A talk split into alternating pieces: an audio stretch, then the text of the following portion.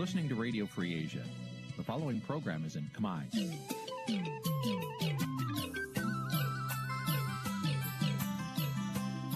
Nǐ chi càm bi tiệp xáy vệt chiu a zì sê នេះជាកម្មវិធីផ្សាយរបស់ Vithu Azisari ជាភាសាខ្មែរ វត្តឈូអាស៊ីសេរីសូមស្វាគមន៍លោកអ្នកនាងទាំងអស់ពីរដ្ឋធានី Washington នៃសហរដ្ឋអាមេរិក បាទពីរដ្ឋធានីវ៉ាស៊ីនតោនខ្ញុំបាទសេកបណ្ឌិតសូមជម្រាបសួរអស់លោកអ្នកនាងកញ្ញាទាំងអស់ជាទីមេត្រី បាទយើងខ្ញុំសូមជូនកម្មវិធីផ្សាយសម្រាប់រាត្រីថ្ងៃប្រហោះ3កើតខែភទ្របទឆ្នាំឆ្លូវត្រីស័កពុទ្ធសករាជ2565ត្រូវនៅថ្ងៃទី9ខែកញ្ញាគ្រិស្តសករាជ2021បាទជាដំបូងនេះសូមអញ្ជើញអស់លោកអ្នកនាងស្ដាប់ព័ត៌មានប្រចាំថ្ងៃដែលមានមេតិការដូចតទៅ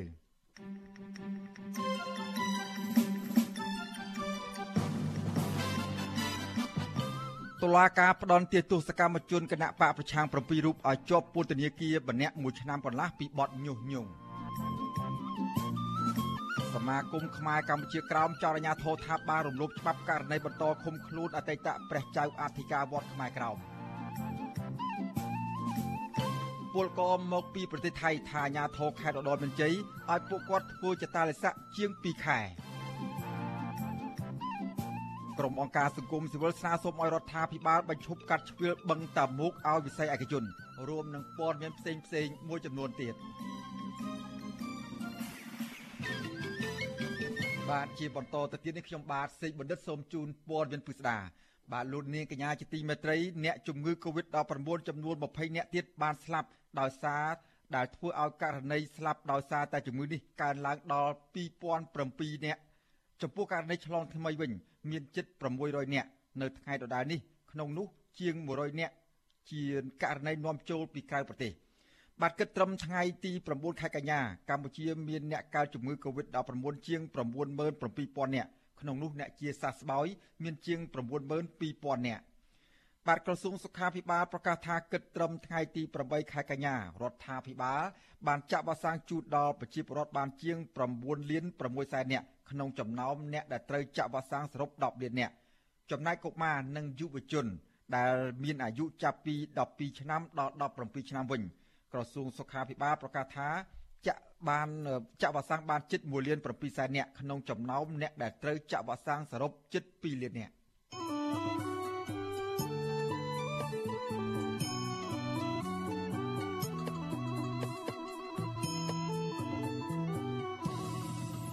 បាទលោកនាងកញ្ញាជាទីមេត្រីពាក់ព័ន្ធនឹងពលករខ្មែរនៅក្នុងប្រទេសថៃដែលកំពុងប្រឈមនឹងបញ្ហាជំងឺ Covid-19 វិញម្ដង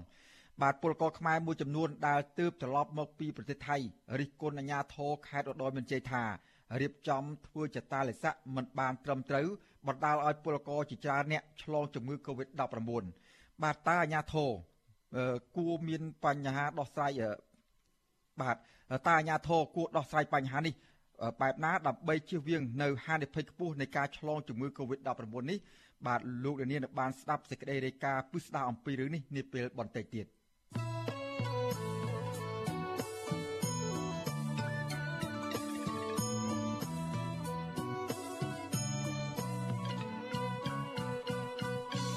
បាទ លោកនាងកញ្ញាជាទីមេត្រីចំណែករឿងរ៉ាវក្តីក្តាមនៅតុលាការពាក់ព័ន្ធនឹងសកម្មជននិងមន្ត្រីគណៈបកសង្គ្រោះជាតិវិញម្ដង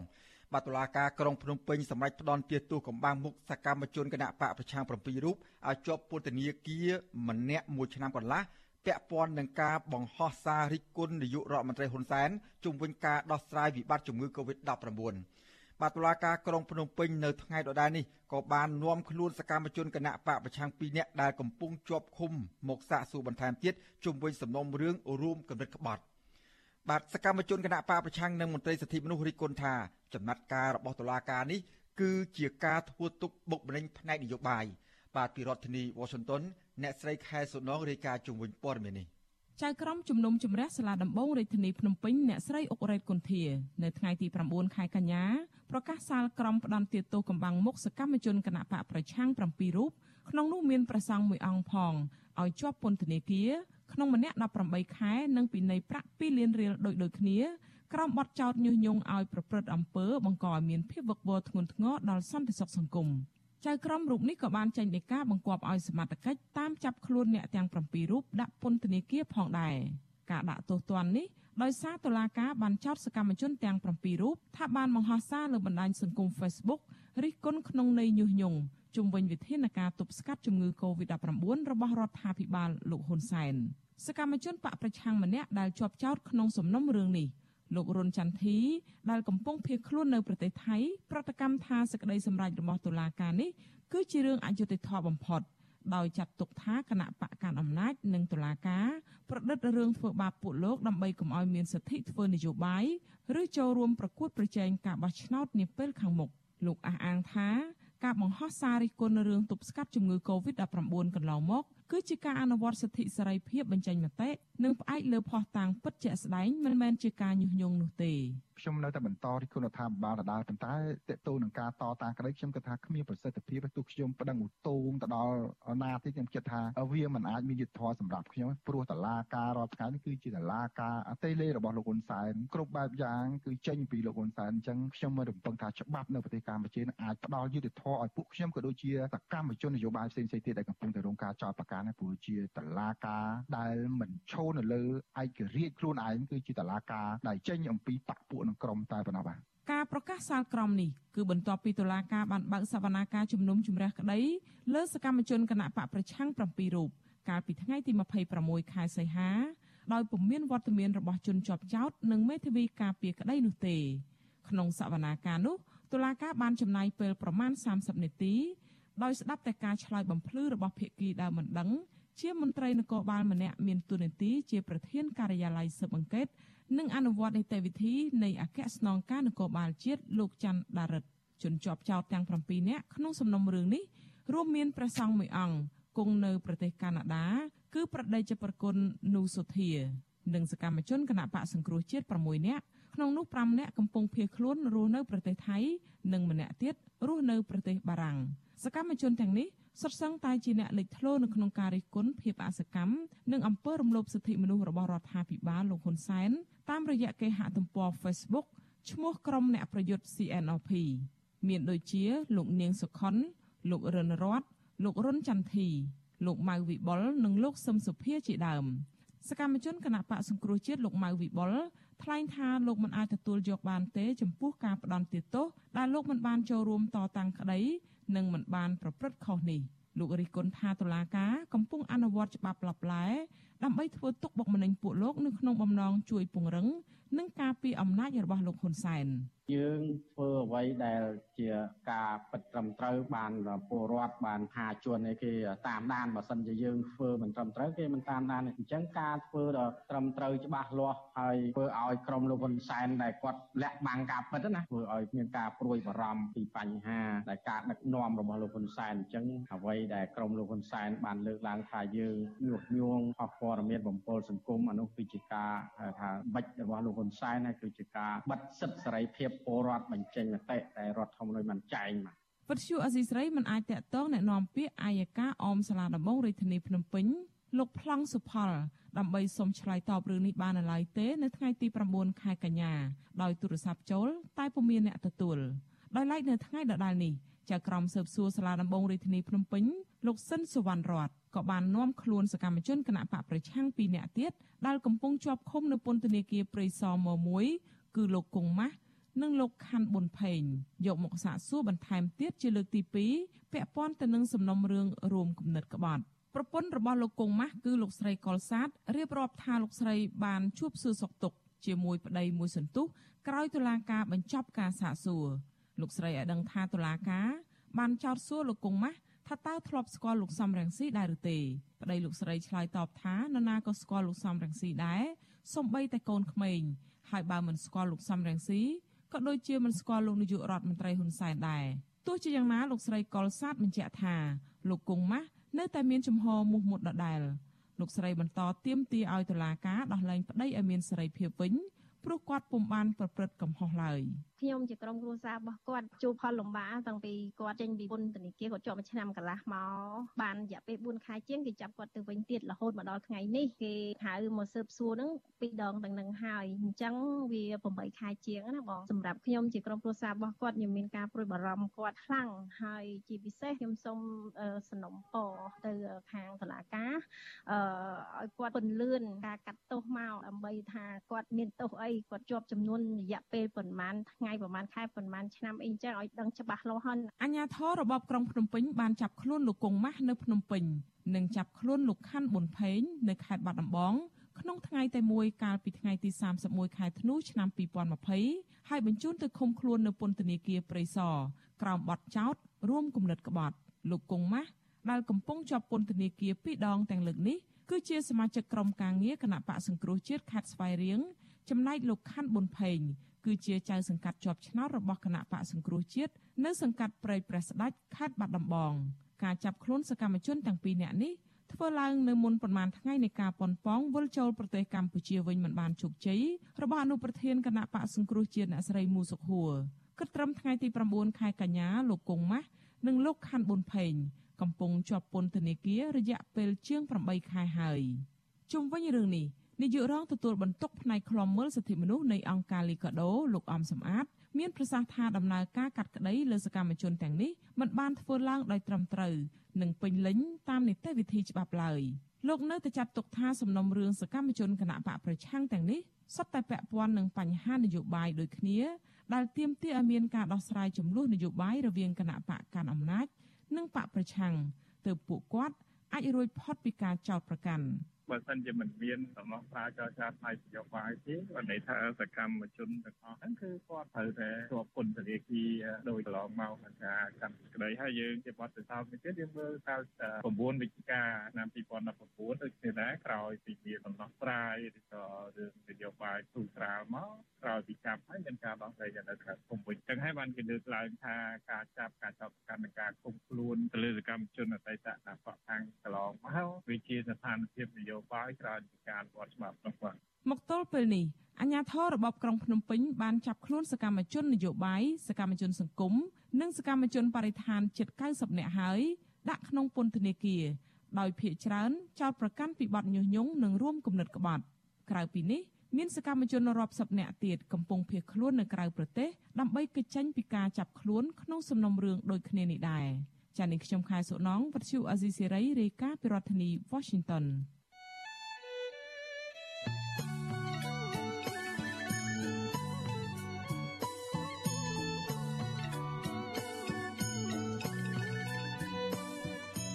លោកដានៀងកញ្ញាជាទីមេត្រីលោកដានៀងកំពុងតាមដានស្ដាប់ការផ្សាយរបស់វិទ្យុអស៊ីសេរីពីរដ្ឋធានី Washington សហរដ្ឋអាមេរិកបាទក្រៅពីការតាមដានកម្មវិធីផ្សាយរបស់វិទ្យុអស៊ីសេរីតាមបណ្ដាញសង្គម Facebook YouTube Telegram លោកដានៀងក៏អាចតាមដានកម្មវិធីផ្សាយរបស់យើងខ្ញុំតាមរយៈបណ្ដាញសង្គម Instagram របស់អស៊ីសេរីបានតាមរយៈតំណភ្ជាប់ដែលមានអាស័យដ្ឋាន www.instagram.com/rfa ខ្មែរ បាទអាស៊ីសេរីបន្តខិតខំផ្សព្វផ្សាយព័ត៌មានពិតទៅកាន់បងប្អូនអស់លោករនាងតាមរយៈបណ្ដាញសង្គមផ្សេងផ្សេងនិងសម្បូរបែបដើម្បីឲ្យអស់លោករនាងងាយស្រួលតាមដានការផ្សាយរបស់វិទ្យុអាស៊ីសេរីបានគ្រប់ពេលវេលានិងគ្រប់ទីកន្លែងតាមរយៈទូរស័ព្ទដៃរបស់អស់លោករនាង បាទសូមអរគុណបាទ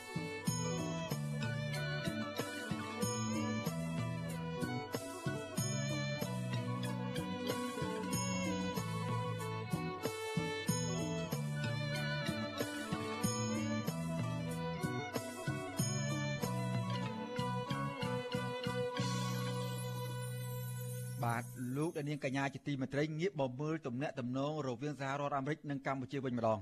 បាទឯកអគ្គរដ្ឋទូតសហរដ្ឋអាមេរិកប្រចាំនៅកម្ពុជាលោក Patrick Murphy ជាជួបជាមួយនឹងមេតបជើងគោកកម្ពុជា ដែលត្រូវជាកូនប្រុសច្បងរបស់លោកនាយករដ្ឋមន្ត្រីហ៊ុនសែនគឺលោកហ៊ុនម៉ាណែតនៅថ្ងៃទី9ខែកញ្ញានេះដើម្បីណែនាំអំពីអនុព័ន្ធយោធាថ្មីរបស់ស្ថានទូតអាមេរិកបាទលោក Patrick Murphy ឲ្យដឹងលើបណ្ដាញសង្គម Twitter ថាលោកបានពិភាក្សាគ្នាជាមួយនឹងលោកហ៊ុនម៉ាណែតអំពីការខិតខំរួមគ្នា ដើម្បីប្រឆាំងនឹងជំងឺរាតត្បាត ក្រៅពីនេះពួកលោកក៏បានជជែកគ្នាអំពីសារៈសំខាន់ដែលប្រទេសកម្ពុជាត្រូវមានឯករាជ្យអធិបតេយ្យនិងលទ្ធិប្រជាធិបតេយ្យចំណែកលោកហ៊ុនម៉ាណែតវិញលោកមិនបានឲ្យដឹងអំពីចំណុចទាំងនេះទេ លោកបង្ហោះសារនៅលើទំព័រ Facebook ត្រឹមថាលោកទទួលជួបសម្ដែងការគួសមជាមួយលោក Patrick Murphy ជំនួបដ៏កម្ររវាងមន្ត្រីយោធាជាន់ខ្ពស់កម្ពុជានិងឯកអគ្គរដ្ឋទូតសហរដ្ឋអាមេរិកនេះធ្វើឡើងនៅចំពេលដែលទំនាក់ទំនងរវាងកម្ពុជានិងសហរដ្ឋអាមេរិកកំពុងស្ថិតនៅក្នុងភាពល្អក់កកដោយសារតែរបបលោកហ៊ុនសែនលំអៀងខ្លាំងទៅរកប្រទេសកុម្មុយនីសចិន ជាពិសេសក្នុងវិស័យយោធាបាទនៅដំណាក់កាលចុងក្រោយនេះរបបក្រុងភ្នំពេញបានវាយកំទេចសំណង់អាគារដែលជាជំនួយរបស់សហរដ្ឋអាមេរិកនៅក្នុងមូលដ្ឋានទ័ពជើងទឹករៀមជាបន្តបន្ទាប់ ដើម្បីបើកផ្លូវឲ្យយោធានិងអ្នកជំនាញការចិនចូលមកស្ថាបនាហេដ្ឋារចនាសម្ព័ន្ធនៅទីនោះបាទសហរដ្ឋអាមេរិកបានសម្ដែងកង្វល់ជាបន្តបន្ទាប់អំពីវត្តមាននិងបរិខាយោធាចិននៅមូលដ្ឋានទ័ពជើងទឹករៀមនេះនិងទាមទារសូមឲ្យភាគីលោកហ៊ុនសែនរក្សាគោលនយោបាយការបរទេសអព្យាក្រឹតនិងឯករាជ្យស្របតាមរដ្ឋធម្មនុញ្ញកម្ពុជាបាទសហរដ្ឋអាមេរិកបានដាស់តឿនរបបលោកហ៊ុនសែនជាញឹកញាប់ថាមូលដ្ឋានកងទ័ពចិននៅកម្ពុជា និងប៉ះពាល់ដល់អធិបតេយ្យកម្ពុជាគម្រិតកំហែងដល់សន្តិសុខតំបន់ព្រមទាំងជះឥទ្ធិពលអាក្រក់ដល់ទំនាក់ទំនងទ្វេភាគីរវាងកម្ពុជា និងសហរដ្ឋអាមេរិក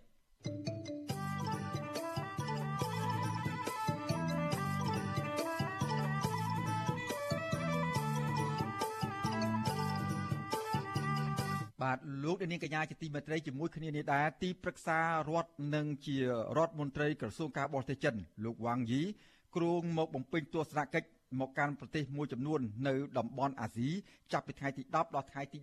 10ចាប់ពីថ្ងៃទី10ដល់ថ្ងៃទី15ខែកញ្ញាខាងមុខនេះដែលរួមមានប្រទេសវៀតណាម កម្ពុជា សិង្ហបុរីនិងកូរ៉េខាងត្បូង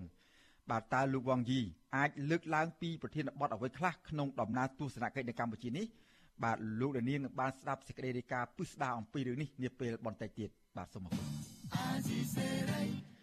បាទលោកដានីនកញ្ញាជាទីមេត្រីមន្ត្រីសង្គមស៊ីវិលនិងសមាគមខ្មែរកម្ពុជាក្រោមថាអាញាធមមានកាតព្វកិច្ចបង្ហាញពីទីតាំងរស់នៅ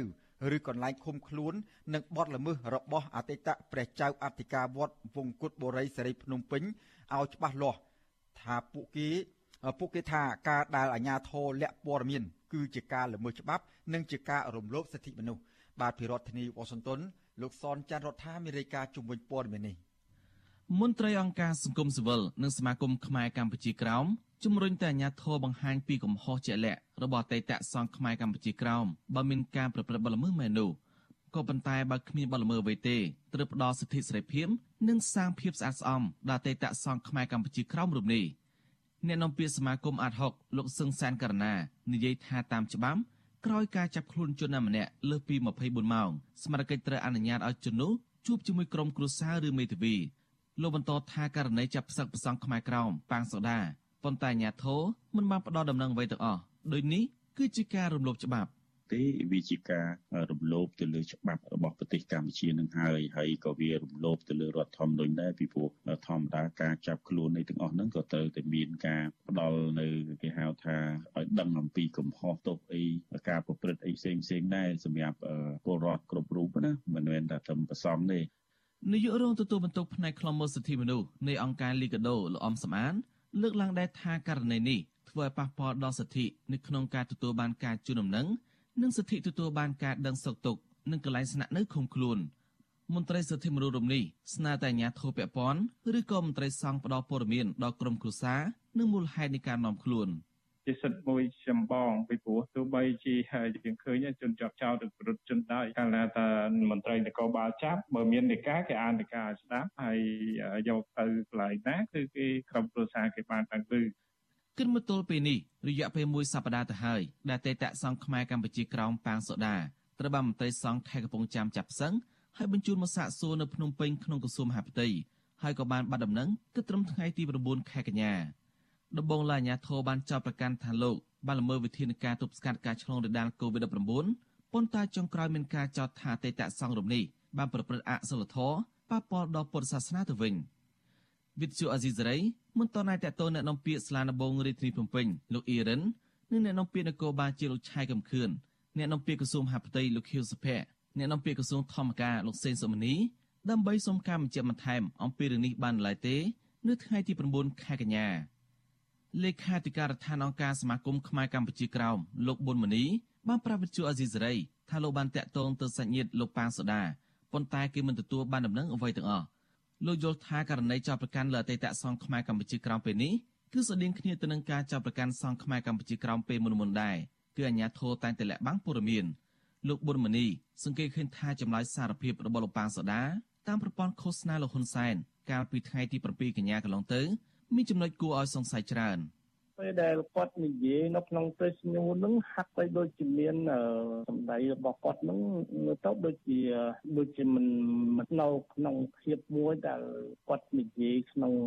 នៃជាផ្ដាល់ពីគាត់ហ្នឹងណាកាលពីថ្ងៃទី7ខែកញ្ញាប្រព័ន្ធឃោសនាលោកហ៊ុនសែនបានបង្ហាញវីដេអូសារភាពរបស់លោកប៉ាសូដាថាលោកបានប្រព្រឹត្តអសិលធម៌ប៉ះពាល់ដល់ព្រះពុទ្ធសាសនា ការសារភាពនេះផ្ទុយពីវេដលោកធ្លាប់អះអាងប្រាប់សារព័ត៌មានក្នុងស្រុង ថាលោកមិនជាប់ពាក់ព័ន្ធអ្វីនោះទេលោកប៉ាសូដាជាបច្ចាអធិការវត្តវង្គតបរិយសេរីភ្នំពេញថ្មីនៅស្រុកចំការលើខេត្តកំពង់ចាមក្រៅជាចាអធិការវត្តព្រះអង្គក៏ជាទីប្រឹក្សានឹងធម្មទូនសម្រាប់សង្គ្រាចនុនងាត់ផងដែរអង្គការសមាគមខ្មែរកម្ពុជាក្រោមនៅក្នុងនិងក្រៅប្រទេសចាត់ទុកការសារភាពរបស់លោកប៉ាសូដាគឺជាការរៀបចំទុកជាមុននិងដោយបង្ខំខ្ញុំសនចាររថាវិទ្យុអេស៊ីសរ៉ៃរាយការណ៍ពីរដ្ឋធានីវ៉ាស៊ីនតោន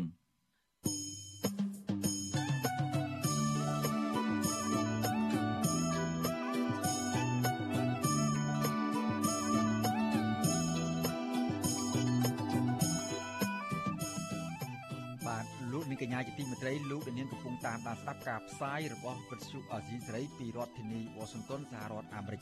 បាទលោកនាងក៏អាចស្ដាប់ការផ្សាយវិទ្យុអេស៊ីសេរីដំណើរគ្នានឹងការផ្សាយលើបណ្ដាញសង្គម Facebook និង YouTube តាមរយៈរលកធាតុអាកាសខ្លីឬ Shortwave តាមកម្រិតនិងកម្ពស់ដូចតទៅនេះបាទពេលព្រឹកចាប់ពីម៉ោង5កន្លះដល់ម៉ោង6កន្លះតាមរយៈរលកធាតុអាកាសខ្លី9940 kHz ស្មើនឹងកម្ពស់ 30m នៅពេលយប់ចាប់ពីម៉ោង7កន្លះដល់ម៉ោង8កន្លះតាមរយៈរលក ធាតុអាកាសខ្លី9960 kHz ស្មើនឹងកម្ពស់ 30m និង11240 kHz ស្មើនឹងកម្ពស់ 25m បាទសូមអរគុណ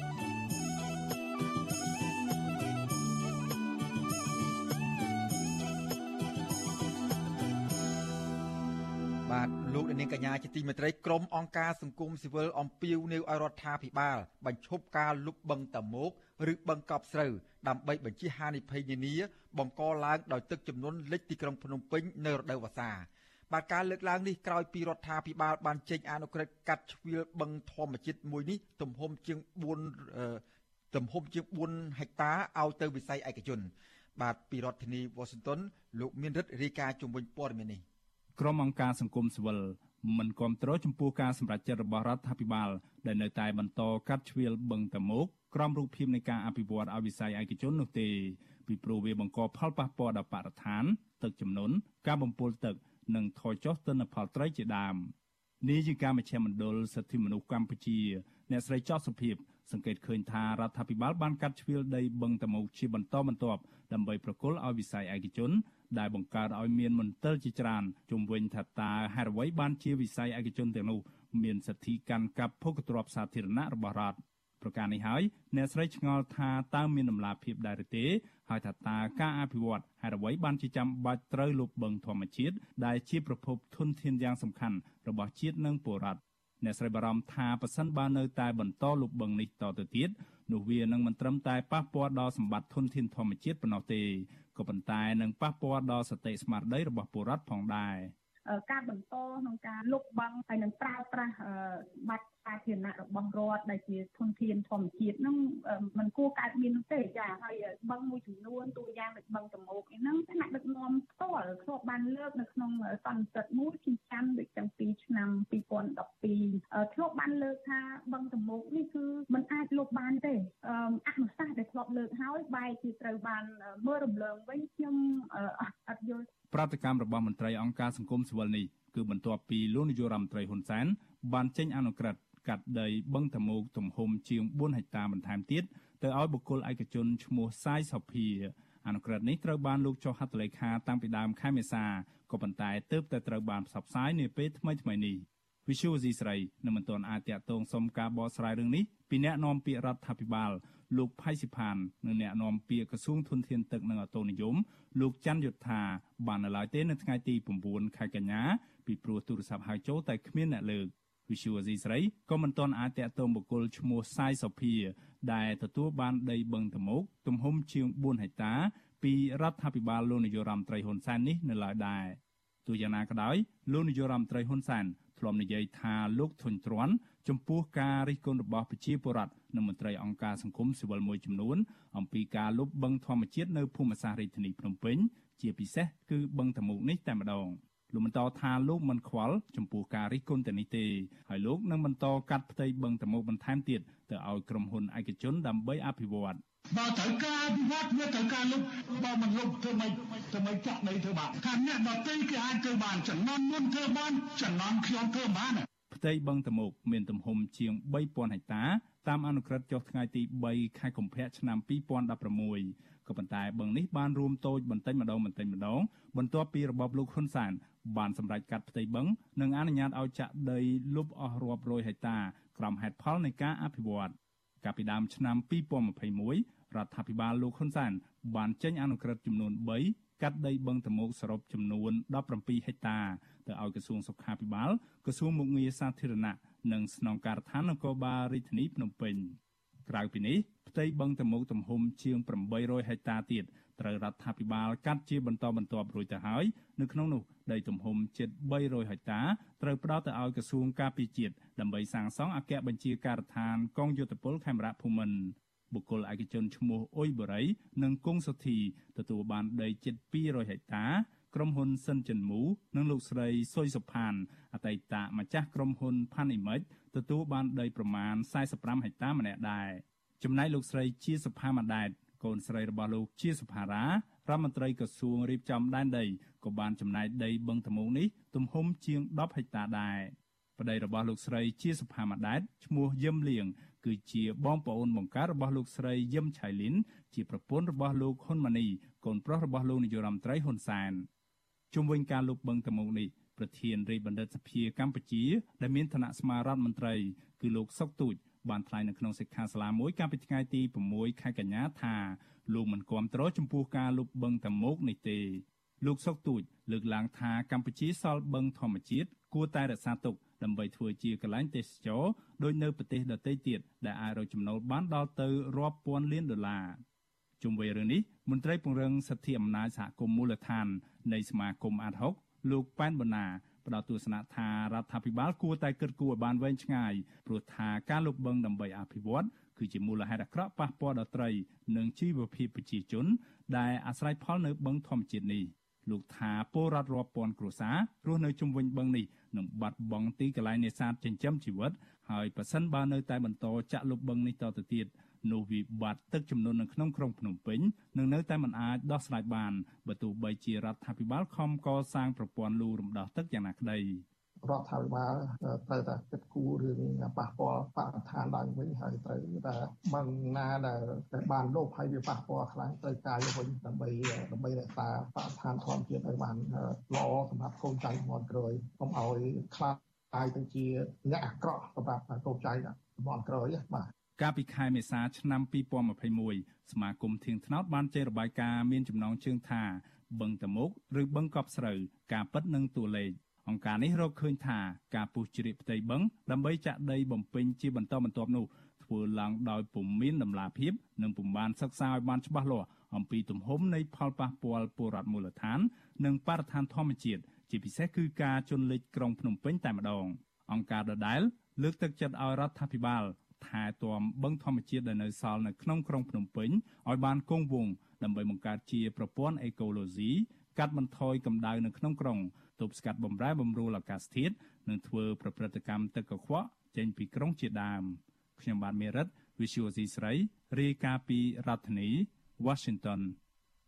បាទលោកនាងកញ្ញាជាទីមេត្រីមេដឹកនាំនៃបណ្ដាប្រទេសក្នុងកិច្ចប្រជុំកំពូលមហាអនុតំបន់ទូលេមេគង្គលើកទី7បដិញ្ញាចូលរួមចែករំលែកបង្កើនការអភិវឌ្ឍសេដ្ឋកិច្ចសង្គមក្នុងប្រទេសជាសមាជិកដើម្បីទប់ទល់នឹងបញ្ហាប្រឈមនានាក្នុងទសវត្សរ៍ថ្មីនេះបាទកិច្ចប្រជុំកំពូលនេះធ្វើឡើងតាមប្រព័ន្ធវីដេអូនៅថ្ងៃទី9ខែកញ្ញាដឹកនាំដោយលោកនាយករដ្ឋមន្ត្រីហ៊ុនសែន ដែលមានការចូលរួមពីមេដឹកនាំនៃសមាជិកមហាអនុតំបន់ក្នុងនោះរួមមាននាយករដ្ឋមន្ត្រីចិនលោកលីខឺឈៀងនិងមេដឹកនាំមកពីប្រទេសឡាវថៃវៀតណាម និងប្រធានធនាគារអភិវឌ្ឍអាស៊ីលោកម៉ាសាតស៊ូហ្គោអាសាកាវ៉ាក្រោយកិច្ចប្រជុំកំពូលនេះមេដឹកនាំនៃសមាជិកអានមហាអនុតំបន់ទូលេមេគង្គបានចេញសេចក្តីថ្លែងការណ៍20ចំណុច ដោយបានលើកឡើងនិងទទួលស្គាល់ពីបញ្ហានានារួមមានការរាតត្បាតនៃជំងឺ Covid-19 សារៈសំខាន់នៃភាពតភ្ជាប់ក្នុងការជំរុញសមាហរណកម្មសេដ្ឋកិច្ចនៅក្នុងតំបន់និងជំរុញពាណិជ្ជកម្មនិងវិនិយោគការលើកទឹកចិត្តនិងកែលម្អដើម្បីឲ្យមានឲ្យមានភាពប្រសើរឡើង និងមានប្រសិទ្ធភាព ព្រមទាំងគុណភាពលើវិស័យចំណីអាហារព្រមទាំងធានាសុវត្ថិភាពនិងសន្តិសុខស្បៀងអាហារព្រមទាំងសមិទ្ធផលនៃការតបជាប់ហេដ្ឋារចនាសម្ព័ន្ធសំខាន់សំខាន់ដូចជាផ្លូវថ្នល់ស្ពាននិងផ្លូវដែកជាដើមដែលមានប្រវែងរាប់ម៉ឺនគីឡូម៉ែត្របាទនៅក្នុងសេចក្តីថ្លែងការណ៍10ទំព័រនេះដែរមេដឹកនាំដែលចូលរួមកិច្ចប្រជុំកម្ពុជានេះក៏បានអនុម័តក្របខ័ណ្ឌយុទ្ធសាស្ត្រមហាអនុតំបន់ទូលេមេគង្គឆ្នាំ2030 ដោយបដិញ្ញាសម្រេចឲ្យបាននៅក្នុងការច្បាមយកបដិវត្ត Digital និងសកលភាវូពាណិជ្ជកម្មសេដ្ឋកិច្ចដើម្បីផ្ដល់ផលប្រយោជន៍ឲ្យគ្នាទៅវិញទៅមកបន្ថែមពីលើនេះទៀតក៏ជំរុញឲ្យកម្មវិធី GMS ឲ្យคล้ายជាថ្នាលបើកលំហនិងសហនិងសហការចិត្តស្និទ្ធជុំជួយបំពេញគ្នាទៅវិញទៅមកជាមួយនឹងកម្រិតផ្ដួចផ្ដើមនៃសិទ្ធិនៃកិច្ចសហប្រតិបត្តិការនិង សមាហរណកម្មក្នុងតំបន់ដទៃទៀតរួមមានសមាហរណកម្មប្រជាជាតិអាស៊ីអាគ្នេយ៍គំនិតផ្ដួចផ្ដើមខ្សែក្រវ៉ាត់និងផ្លូវកិច្ចសហប្រតិបត្តិការមេគង្គឡានឆាង និងកិច្ចសហប្រតិបត្តិការនានានៅក្នុងតំបន់បាទពាក់ព័ន្ធនឹងការរាតត្បាតនៃជំងឺ Covid-19 វិញមេដឹកនាំទាំងនោះក៏បានអនុម័តលើផែនការស្ដារសេដ្ឋកិច្ចឡើងវិញនិងពង្រឹងការចាក់វ៉ាក់សាំងបង្ការជំងឺ Covid-19 ឲ្យបានគ្រប់គ្រងឲ្យបានគ្រប់គ្រប់គ្នា ដោយមានតម្លៃសមរម្យ សម្រាប់ប្រជាជននៅក្នុងតំបន់បន្ថែមលើនេះទៀតមេដឹកនាំប្រទេសទាំងនោះនឹងចាត់វិធានការនានាដើម្បីធានានៅលំហូរទំនិញដោយសេរី និងសេវាចាំបាច់ផ្សេងៗសម្រាប់ដោះស្រាយប្រជាពលរដ្ឋងាយរងគ្រោះនិងក្រីក្រ ដោយចល័តកម្លាំងពលកម្មដើម្បីស្ដារវិស័យពាណិជ្ជកម្មវិនិយោគទេសចរនិងវិស័យកសិកម្មជាដើមបាទមេដឹកនាំទាំងអស់ឯកភាពគ្នាថា កិច្ចប្រជុំកំពូលមហាអនុតំបន់ទន្លេមេគង្គលើកទី8នឹងប្រារព្ធធ្វើនៅប្រទេសចិន នៅឆ្នាំ2024ខាងមុខ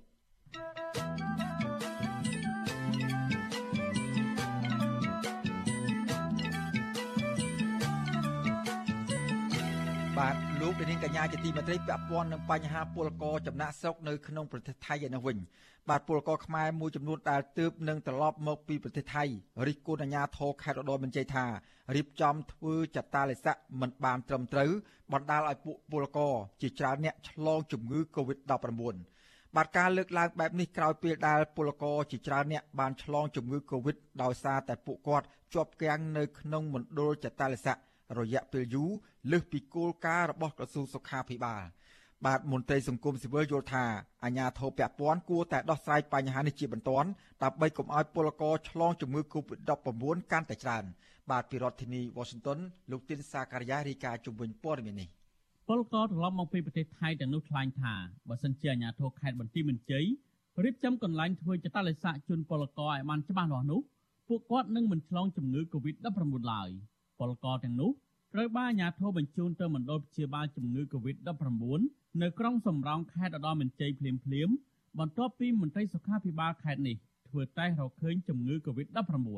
ពលករមានស្រុកកំណើតនៅខេត្តកំពង់ធំម្នាក់ថ្លែងសុំមិនបញ្ចេញឈ្មោះថាពួកលោកមានគ្នាជិត10នាក់បានឆ្លងជំងឺ Covid-19 ក្រោយពេលធ្វើចតាលិស័ក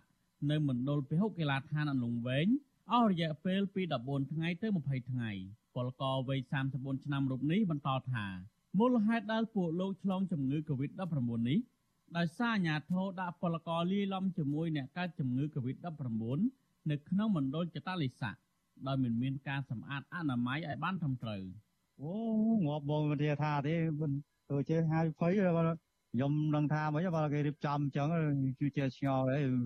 មិនដឹងថាគេដាក់ដាក់ជាប់ឬមួយយ៉ាងណាខ្ញុំ ឥឡូវនឹងដាក់តទៀតក្នុង21ថ្ងៃទៀតវាឡើងចូលចិត្ត2ខែដែរដាក់យូរពេកយកដាក់ដាក់តទៅជាប់នេះវាជាប់ឆ្លងគ្នាបងនៅខាងខាងខ្ញុំទៅជាប់នៅជាមួយតអ្នកហើយដេកជាប់ជាប់គ្នាហ្នឹងគេទៅអស់ហើយហ្នឹងហើយវាដែរនៅឆ្លងទៅឆ្លងមកដែរពលកររូបនេះបន្ថែមថា នៅក្នុងមណ្ឌលចតាលិស័កជាមួយលោក មានពលករជាង1000នាក់ដោយអ្នកខ្លះបានជាប់គាំងនៅទីនោះជាង2ខែមកហើយមិនទាន់ចេញទៅស្រុកកំណើតនៅឡើយទេលោកបញ្ជាក់ថាការធ្វើបែបនេះ ធ្វើឲ្យពលករមួយចំនួនរអ៊ូរទាំព្រោះបានប៉ះពាល់ដល់អារម្មណ៍របស់ពួកគាត់ផង និងប្រឈមនឹងការឆ្លងជំងឺ Covid-19 ផងលោកថាអាញាធរបានដាក់ពួកគេនៅក្នុងបន្ទប់ណែនចង្អៀតហើយឲ្យប្រើបន្ទប់ទឹករួមគ្នានឹងគេធ្វើយ៉ាងណាវិញយកពេលចង់យកអត់យល់ឬយកពីនេះទៅដាក់ឯនោះយកពីនោះមកដាក់ឯនេះពីណាគេអ៊ូរធាត់ទេបងអើយនេះប្រងទៅតាទុកគេយូរពេលចឹងប្រហែលជាគេគេទៅនិយាយចេញបដកម្មទៀតហើយបើវា ទុកគ្នាយូរពេលទុកទុកឡើងជាប់ដែរបងមិនលេសោយទេវាហាវិភ័យច្រើនអាទុកគ្នាអញ្ចឹងយកយើង21ថ្ងៃហ្នឹងហើយទៅតយើងឯនោះទៀតដាក់យើងតទៀតមកបន្ទប់ហ្នឹង13អ្នក14អ្នកស្រ័យតាំងគេដាក់ហ្នឹងបងបើជាប់មួយគេយកពីអាកន្លែងនោះគេយកមកដាក់នេះវិញរីឯពលករនីទើបតែត្រឡប់មកពីប្រទេសថៃម្នាក់ទៀតប្រាប់ថាលោកស្រីធ្វើដំណើរមកពីទីក្រុងបាងកកមានសុខភាពល្អជាធម្មតានិងបានធ្វើតេស្តពីរដងមុននឹងចូលមកដល់កម្ពុជាដែលលទ្ធផលបង្ហាញថា លោកស្រីគ្មានជំងឺ Covid-19 នោះទេស្ត្រីវ័យ29ឆ្នាំរូបនេះបន្តថាលោកស្រីបានឆ្លងជំងឺ Covid-19 ក្រោយពេលធ្វើចតាលិស័កបាន20ថ្ងៃនៅតំបន់ព្រំដែនខេត្តឧត្តរមានជ័យស្ត្រីមានកូនខ្ចីរូបនេះអះអាងថាអំឡុងពេលធ្វើចតាលិស័កនោះពុំមានអាជ្ញាធរណាបាញ់ថ្នាំសម្លាប់មេរោគជូនដល់ពលករនោះទេ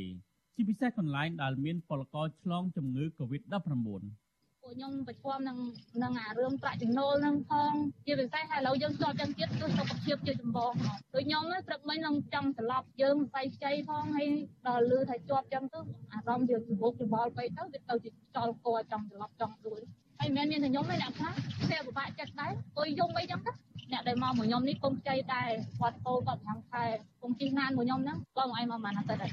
នេះអាទិត្យចុងក្រោយអាទិត្យចុងក្រោយដែលគាត់ត្រូវបានទៅឥឡូវគាត់ជាប់បាត់ក៏យករត់តអញ្ចឹងមើលទៅវិលមករត់ខែនោះខ្ញុំបានប្រទេសក្រុមពលករទាំងនោះបានធ្វើដំណើរប្រថុយប្រឋានត្រឡប់មកពីប្រទេសថៃឆ្លងដែនចូលទឹកដីកម្ពុជាតាមច្រកអូស្មាច់ខេត្តឧត្តរមានជ័យដោយសារពួកគាត់អត់ការងារធ្វើនៅប្រទេសថៃនិងខ្លាចឆ្លងជំងឺ Covid-19 មានគ្រូពេទ្យព្យាបាលក្នុងនោះមានពលករខ្លះធ្លាប់កើតជំងឺ Covid-19 នៅទីក្រុងបាងកកម្ដងរួចមកហើយ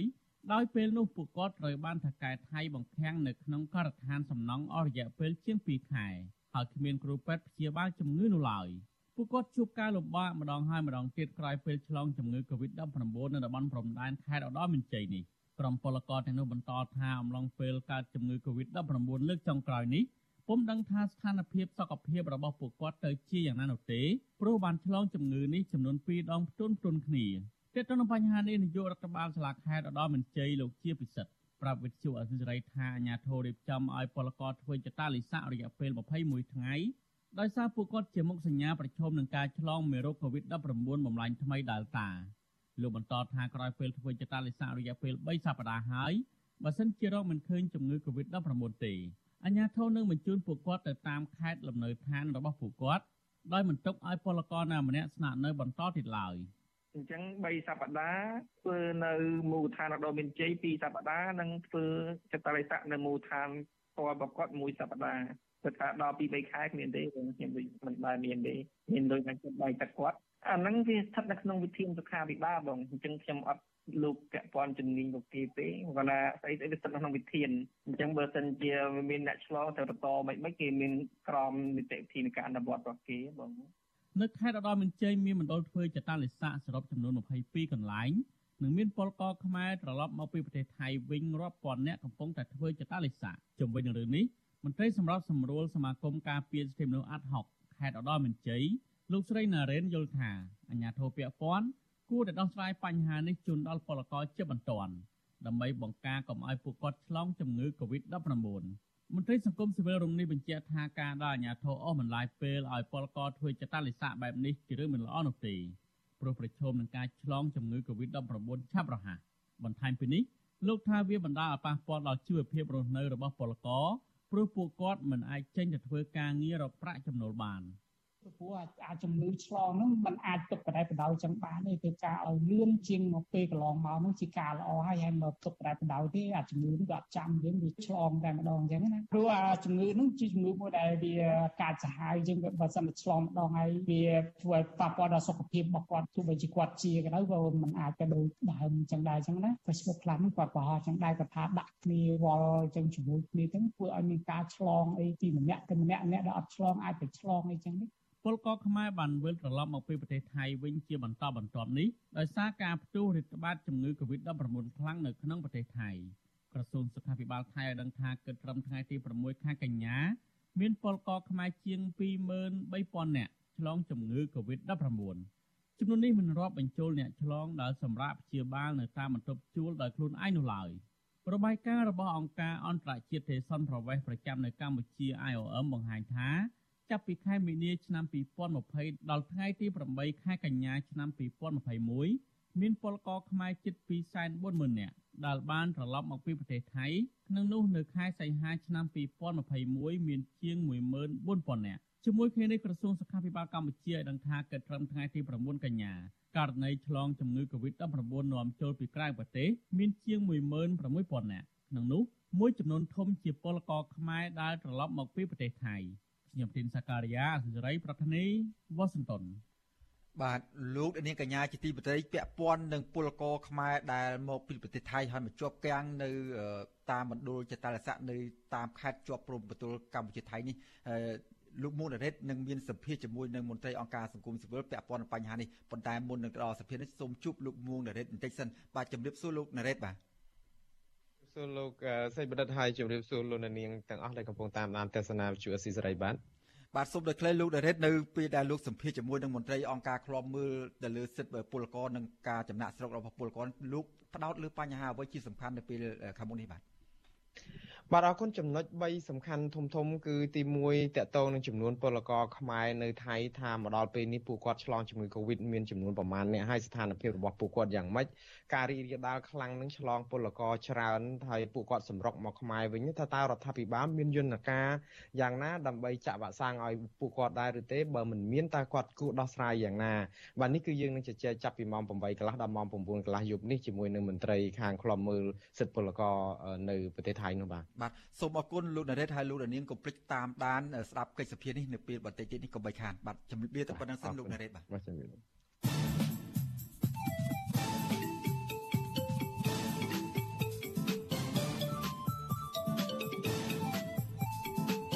បាត់វិភាគ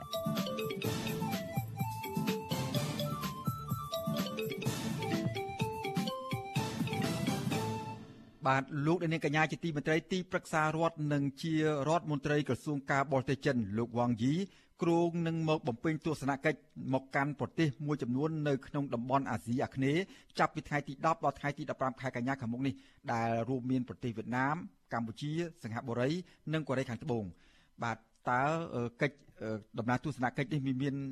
សារៈប្រយោជន៍និងមានផលប៉ះពាល់ឬមួយក៏ផលចំណេញយ៉ាងម៉េចខ្លះចំពោះប្រទេសកម្ពុជានោះបាទសូមលោកលានស្ដាប់បទវិភាគរបស់អ្នកស្រីខែសំណងជុំវិញរឿងនេះដូចតទៅ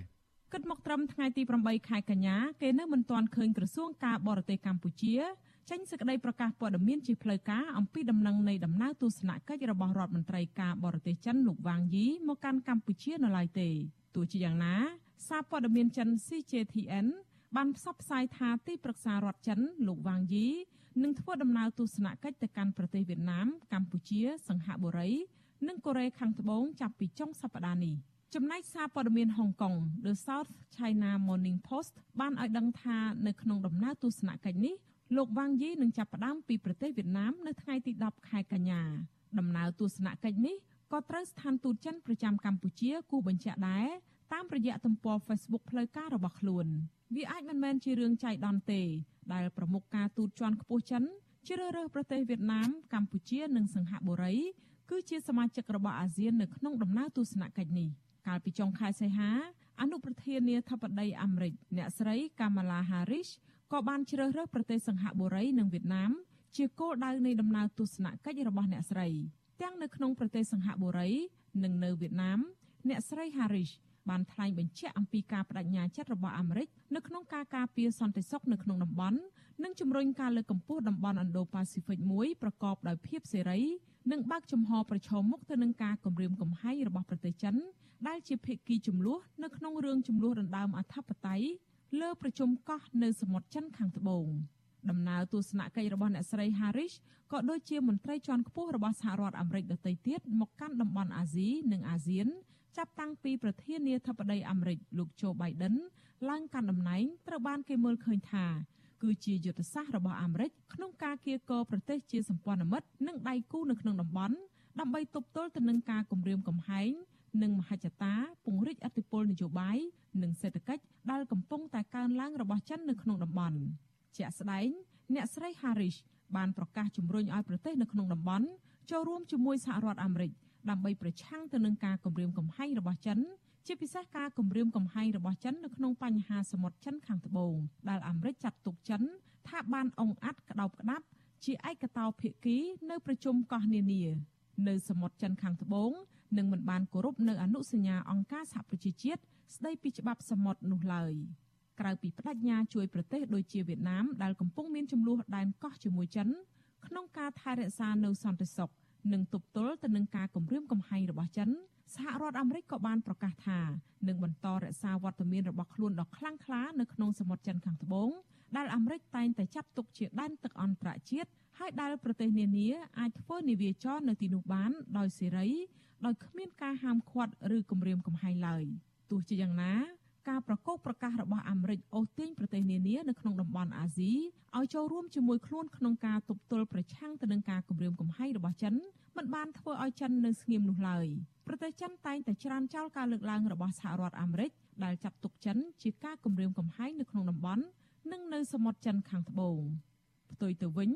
ចិនបានចោទថា គឺអាមេរិកទៅវិញទេ ដែលកំពុងតែរិះរកវិធីដើម្បីការពារនៅមហិច្ឆតា ភូមិសាស្ត្រនយោបាយនិងផលប្រយោជន៍របស់ខ្លួននៅក្នុងសមុទ្រចិនខាងត្បូងជាជាងការពារសិទ្ធិរបស់ប្រទេសតូចតាចនៅក្នុងតំបន់រដ្ឋាភិបាលចិនតែងតែប្រកាសប្រឆាំងដាច់ខាតនៅរាល់ការបញ្ជូនកងកម្លាំង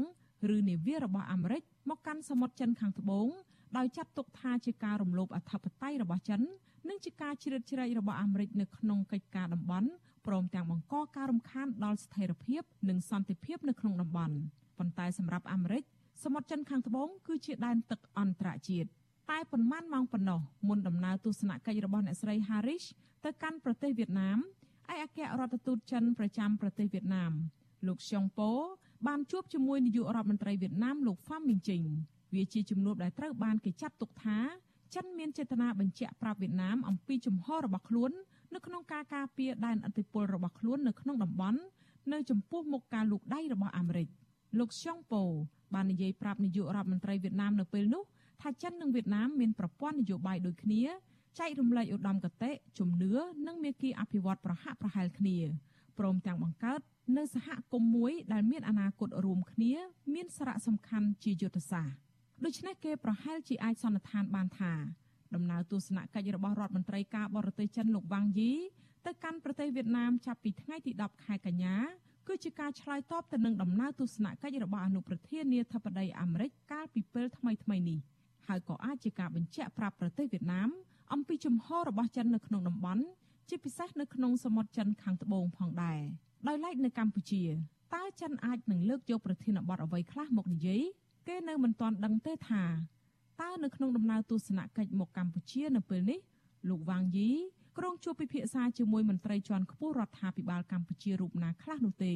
ហើយនឹងមានរបៀបវិរៈសំខាន់សំខាន់អ្វីខ្លះនោះដែរប៉ុន្តែប្រធានរឿងជាបឋម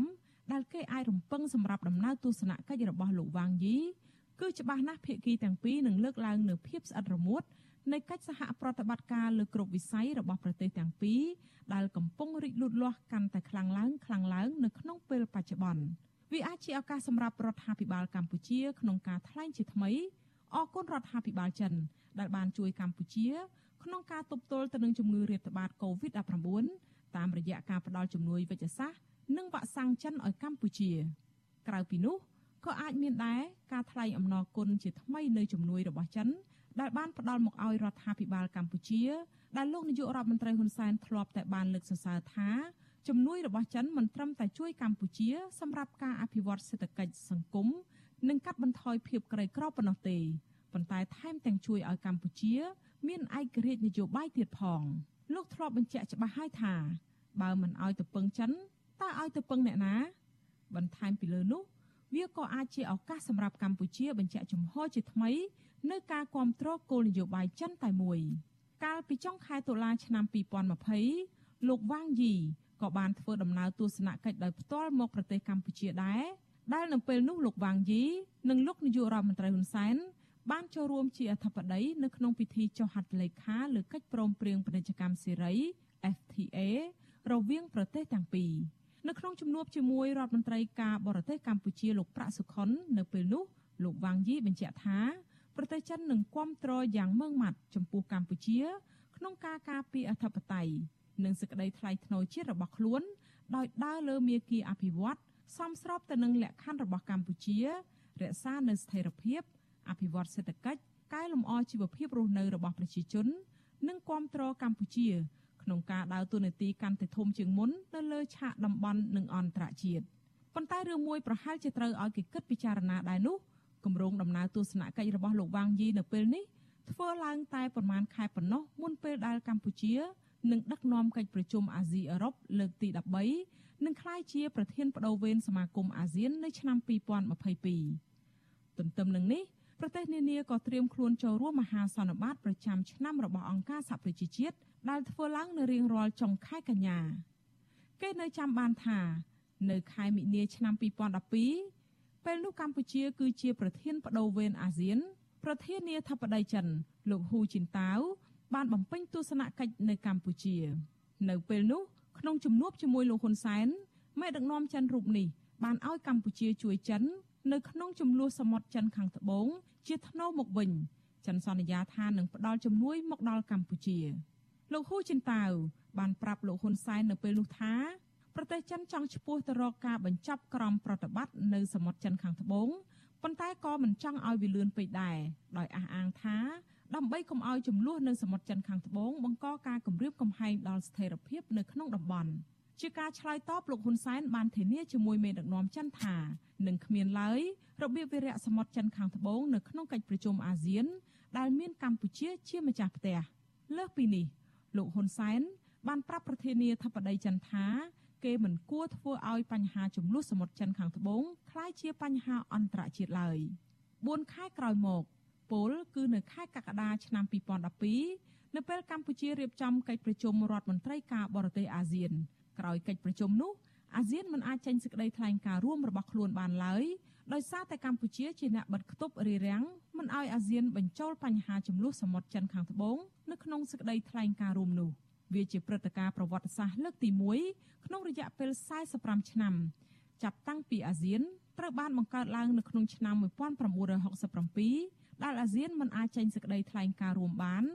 ដែលជារឿងរ៉ាវអាម៉ាស់បំផុតសម្រាប់សមាគមនេះរដ្ឋាភិបាលកម្ពុជានៅពេលនោះត្រូវទទួលរងនឹងការរិះគន់យ៉ាងខ្លាំងពីប្រទេសសមាជិកអាស៊ាន ជាពិសេសប្រទេសដែលកំពុងមានចំនួនដែនកោះជាមួយចិននៅក្នុងសមុទ្រខាងត្បូង រួមមានហ្វីលីពីន និងវៀតណាមជាដើម មកដល់ត្រង់នេះការលើកឡើងរបស់លោកហ៊ុនសែននៅពេលកន្លងទៅដែលថាជំនួយរបស់ចិន បានជំរុញឲ្យកម្ពុជាមានឯករាជ្យនយោបាយ ប្រហែលមិនមែនជាការពិតនោះទេ គេពិបាកបដិសេធណាស់ថាកម្ពុជានៅពេលនោះបានទទួលរងនូវសម្ពាធពីប្រទេសចិនទើបកម្ពុជាត្រូវងាកទៅគាំទ្រចិន ហើយធ្វើឲ្យទាស់ចិត្តសមាជិកអាស៊ានដូចគ្នាក៏ប៉ុន្តែអ្វីដែលគេដឹងគឺមានសេចក្តីរាយការណ៍ថា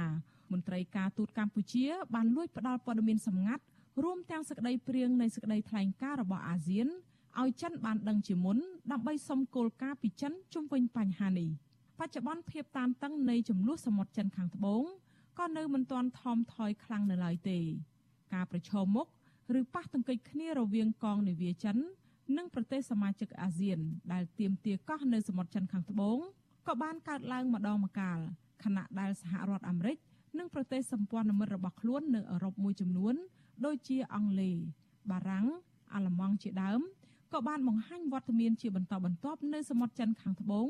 ដែលធ្វើឲ្យចិនខឹងសម្បាចំនួនសមុទ្រចិនខាងត្បូងត្រូវបានអ្នកជំនាញផ្នែកគោលនយោបាយការបរទេសមើលឃើញថាកំពុងបង្កការលំបាកខ្លាំងបំផុតសម្រាប់ការកំណត់គោលនយោបាយការបរទេសរបស់កម្ពុជាដោយសារភាគីចំនួនម្ខាង គឺប្រទេសចិន ដែលជាមិត្តដៃថែបគាំទ្ររបបលោកហ៊ុនសែនហើយម្ខាងទៀតគឺអាស៊ាន ដែលកម្ពុជាក៏ជាសមាជិកនៃអង្គការតំបន់មួយនេះបើកម្ពុជាងាកទៅកាន់ចិនជ្រុលពេកសមាជិកអាស៊ានដូចគ្នា ដែលកំពុងមានចំនួនជាមួយចិនមិនសบายចិត្តតែបើងាកទៅគាំទ្រយន្តការអាស៊ានប្រឆាំងចិនវិញរបបលោកហ៊ុនសែននឹងបាត់បង់ការគាំទ្ររបស់ចិន ក្នុងពេលជាមួយគ្នា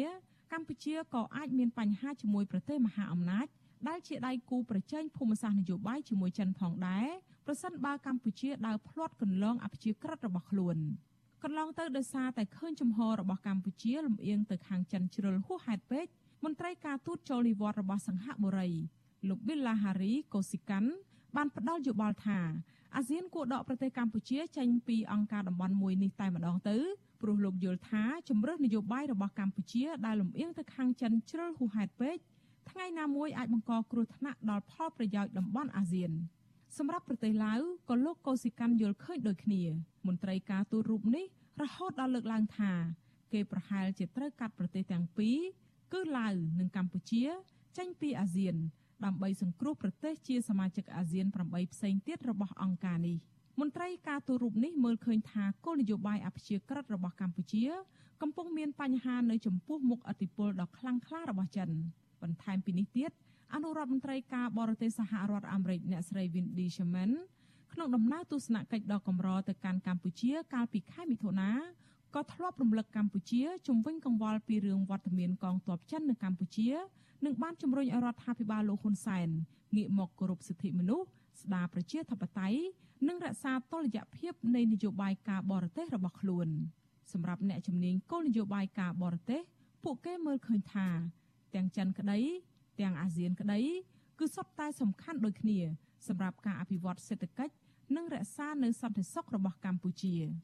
នៅក្នុងចំនួនសមុទ្រចិនខាងត្បូងនេះប្រទេសចិន មិនចង់ដោះស្រាយបញ្ហាតាមយន្តការចរចាពហុភាគីនោះទេព្រោះតែចិនមើលឃើញថាយន្តការនេះអាចអនុញ្ញាតឲ្យប្រទេសមហាអំណាចផ្សេងទៀតដូចជាសហរដ្ឋអាមេរិកមានឱកាសចូលរួមអង្គុយក្នុងតុចរចាជាមួយចិនដែរទាំងដែលអាមេរិកមិនមែនជាភាគីជំនួសផងនោះប៉ុន្តែសម្រាប់ប្រទេសសមាជិកអាស៊ានដែលមានចំនួនជាមួយចិនវិញការចូលអង្គុយតុចរចាមួយទល់នឹងមួយជាមួយចិនគឺជាការចាញ់ប្រៀបចិនដូច្នេះ ពួកគេចង់រួមគ្នាដោះស្រាយបញ្ហានេះជាកញ្ចប់តាមយន្តការពហុភាគីនិយមទើបពួកគេអាចនិយាយស្មើមុខស្មើមាត់ជាមួយចិនដូច្នេះហើយទើបគេមើលឃើញថាប្រទេសកំពុងមានចំនួនដែនកោះជាមួយចិនដូចជាវៀតណាមជាដើមកំពុងតែងាកទៅបង្កើតទំនាក់ទំនងជិតស្និទ្ធជាមួយអាមេរិកដើម្បីយកអធិបុលរបស់អាមេរិកមកទប់ទល់ទៅនឹងការគំរាមកំហែងរបស់ចិនស្ថិតនៅក្នុងបរិបទបែបនេះតើកម្ពុជាគួរធ្វើដូចម្តេច អ្នកជំនាញខ្លះយល់ថារដ្ឋាភិបាលកម្ពុជាមិនគួរលំអៀងទៅរកប្រទេសចិនខ្លាំងពេកនោះទេព្រោះថាការលំអៀងខ្លាំងទៅខាងចិននេះនឹងធ្វើឲ្យប្រទេសកម្ពុជារងនៅសម្ពាធពីចិនកាន់តែខ្លាំងឡើងខ្លាំងឡើងកម្ពុជាត្រូវបង្កើតមិត្តធំធំឲ្យបានច្រើននៅក្នុងពេលតែមួយដើម្បីបង្កើនចំនួនដៃគូយុទ្ធសាស្ត្រនិងសេដ្ឋកិច្ចដើម្បីការពារផលប្រយោជន៍សន្តិសុខអធិបតេយ្យនិងវិបុលភាពរបស់ខ្លួន អ្នកជំនាញយល់ថាក្នុងនាមជារដ្ឋតូចមួយនៅចំកណ្ដាលប្រទេសធំនិងមានអំណាចប្រទេសកម្ពុជាត្រូវប្រកាន់ខ្ជាប់នូវគោលនយោបាយការបរទេសអព្យាក្រឹតនិងមិនចូលបកសម្ព័ន្ធកម្ពុជាត្រូវតែប្រកាន់ខ្ជាប់នូវគោលនយោបាយនៃការរួមរស់ដោយសន្តិសហវិជ្ជមានជាមួយប្រទេសជិតខាងរបស់ខ្លួន និងជាមួយប្រទេសដទៃទៀតនៅទូទាំងពិភពលោកក្នុងពេលជាមួយគ្នាកម្ពុជាក៏ត្រូវបង្កើនមិត្តឲ្យបានច្រើន និងត្រូវរកវិធីសាស្ត្រនៅក្នុងការរក្សាទំនាក់ទំនងល្អជាមួយមិត្តមហាអំណាចទាំងអស់ជៀសវាងយកចិត្តតែមហាអំណាចណាមួយ រួចបោះបង់មហាអំណាចផ្សេងទៀតមែនតែនទៅគោលការណ៍អព្យាក្រឹតអចិន្ត្រៃយ៍និងមិនចូលបកសម្ព័ន្ធគោលការណ៍សន្តិសហវិជ្ជមានជាមួយប្រទេសជិតខាង និងប្រទេសនៅលើពិភពលោកត្រូវបានចែងយ៉ាងច្បាស់នៅក្នុងទិសដៅគោលនយោបាយការបរទេសនៃរដ្ឋាភិបាលរបស់លោកហ៊ុនសែនបច្ចុប្បន្ន ប៉ុន្តែការអនុវត្តជាក់ស្ដែងកម្ពុជាត្រូវបានគេមើលឃើញថាហាក់ដើរភ្លាត់កន្លងអព្យាក្រឹតនិងមានភាពលំអៀងខ្លាំងទៅខាងមហាអំណាចចិនដោយសារតែមហាអំណាចមួយនេះពូកែថ្នមចិត្តលោកហ៊ុនសែនទោះបីជាលោកហ៊ុនសែនបានរំលោភសិទ្ធិមនុស្សនិងបំផ្លិចបំផ្លាញប្រជាធិបតេយ្យនៅកម្ពុជាយ៉ាងណាក្តីក៏ចិនមិនដែលនិយាយម្ដងណាឡើយផ្ទុយទៅវិញចិនមានតែចេញមុខគាំទ្រនឹងការពីរបបលោកហ៊ុនសែនបើទោះបីជាចិនខ្លួនឯង ក៏ជាភាគីហត្ថលេខីនៃកិច្ចព្រមព្រៀងសន្តិភាពទីក្រុងប៉ារីសឆ្នាំ1991ដែលចិនត្រូវមានកាតព្វកិច្ចក្នុងការតម្រែតម្រង់រដ្ឋាភិបាលកម្ពុជាមិនឲ្យដើរផ្លាត់កន្លងអព្យាក្រឹតប្រជាធិបតេយ្យនិងសិទ្ធិមនុស្សក្តីមួយវិញទៀតការដែលចិនខិតខំថ្នមចិត្តលោកហ៊ុនសែននេះក៏ដោយសារតែចិនខ្លួនឯងក៏កំពុងត្រូវការមេដឹកនាំផ្ដាច់ការដោយលោកហ៊ុនសែនដែរដើម្បីចិន អាចសម្រេចមហិច្ឆតាប្រចាំសតវត្សក្នុងការពង្រីកដែនអធិបតេយ្យអំណាច សេដ្ឋកិច្ចយោធា និងភូមិសាស្ត្រនយោបាយរបស់ខ្លួននៅក្នុងតំបន់ចា៎នាងខ្ញុំ